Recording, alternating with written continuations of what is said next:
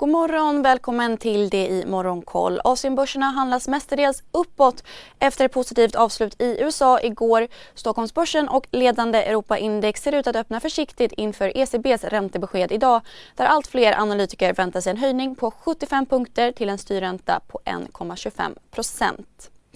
Shanghai handlas runt nollan medan Shenzhen och Hongkongbörsen backar en halv procent nu. Kinesiska myndigheter förlänger nu nedstängningen i mångmiljonstaden Chengdu som hållit nedstängt i ungefär en vecka.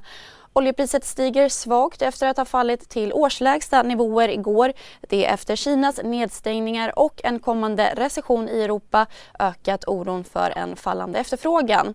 Ett fat Brent kostar 89 dollar.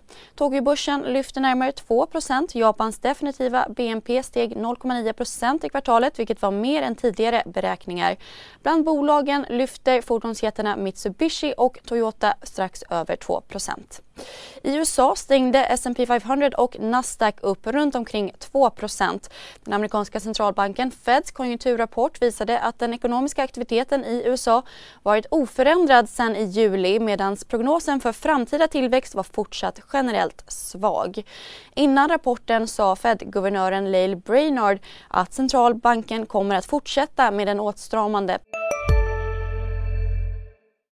i de sekunderna när jag är i luften så är det en kamp på liv och död.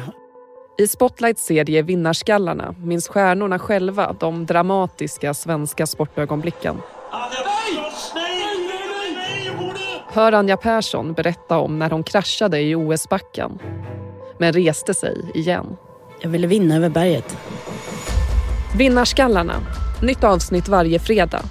Sök efter podden Spotlight penningpolitik så länge som det krävs för att få ner inflationen. Goldman Sachs skruvade upp sin ränteprognos och spår nu en räntehöjning på 75 punkter i september och 50 i november. Den amerikanska tioåringen backar ytterligare några punkter och noteras nu i drygt 3,2 procent. Bland bolagen lyfte streamingtjänsten Netflix närmare 5 procent efter att ha meddelat om att de ser sig om för en kostnadsbesparing.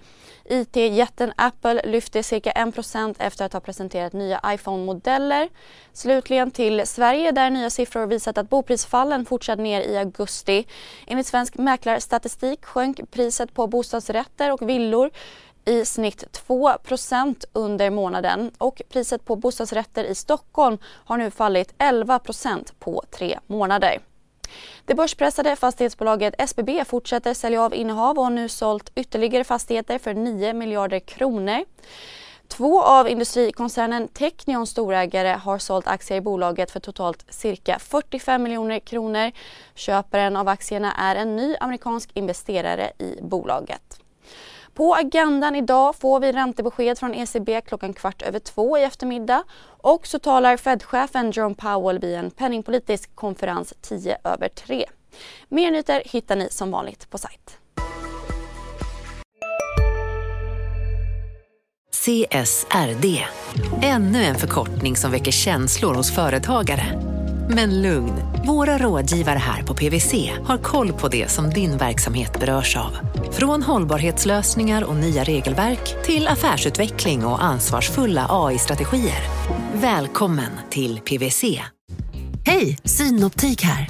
Så här års är det extra viktigt att du skyddar dina ögon mot solens skadliga strålar. Därför får du just nu 50% på ett par solglasögon i din styrka när du köper glasögon hos oss på Synoptik. Boka tid och läs mer på synoptik.se. Välkommen!